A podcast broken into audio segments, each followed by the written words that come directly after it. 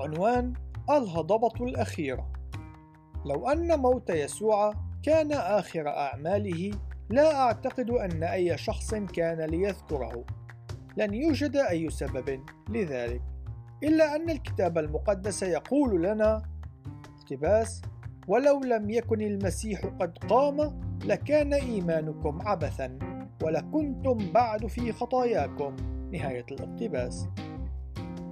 إن هذا سيعني أنه إما أن يسوع لا يزال في القبر وبالتالي فإننا لا نزال موتى في خطايانا أو أن الله أقامه من بين الأموات وبذلك يكون قد أثبت أنه ابن الله الحي. أي من هذين الخيارين هو الحقيقي؟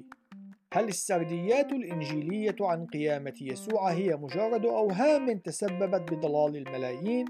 أم أنها موثوقة تاريخياً وتقدم لنا سرداً عن أعظم الأحداث التي تمت في تاريخ البشرية؟ بناء على الملاحظات التي سترد تاليا أنا أعتقد أن السرديات الإنجيلية هي موثوقة ومقنعة في الوقت عينه. أولاً، يوجد المئات من الأشخاص الذين عاينوا يسوع القائم من الأموات. إن هذا العدد الكبير سوف يلغي احتمالية التخيلات، وحقيقة أن الكثيرين منهم قد ماتوا تحت وطأة العذابات القاسية تلغي احتمالية التلفيق. إذ أن الأشخاص لن يموتوا عن طيب خاطر من أجل ما يعرفون أنه كذب. ثانياً، إن الشهود الأوائل على ذلك الحدث كن من النساء، إلا أن شهادة النساء في تلك الأيام لم تكن مقبولة حتى في المحاكم. يوجد سبب وحيد قد يقف وراء تضمين شهادات النساء في الكتاب المقدس، ألا وهو أنهن قدمن شهادة صحيحة.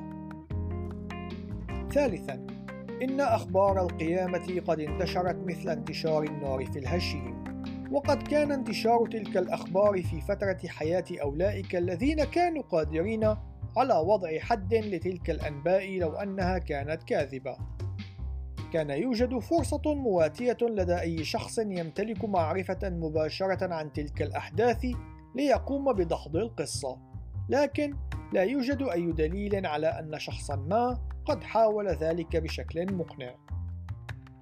رابعا إن قيام الكنيسة في أورشليم حيث صلب يسوع كان سيكون ضربا من ضروب المستحيل لو أن مزاعم قيامته كانت كاذبة. إن الاضطهاد القاسي يميل إلى النجاح في إخماد الحركات التي تكون مبنية على ادعاءات قابلة للدحض. خامسا إن القبر الذي دفن فيه يسوع كان محروسا بشكل جيد ولكنه كان فارغا بعد ثلاثة أيام لم يتم العثور على جسد يسوع وقد وجد الكثير من الأشخاص الذين كانوا يرغبون بالعثور عليه بشدة من خلال هذه النقاط إنه من الصعب أن نتخيل كون السرديات الإنجيلية عن قيامة يسوع غير صحيحة. من الأصعب أن يتم تخيل أن تكون أي أخبار أخرى أفضل من هذه. والسبب سيأتي تالياً.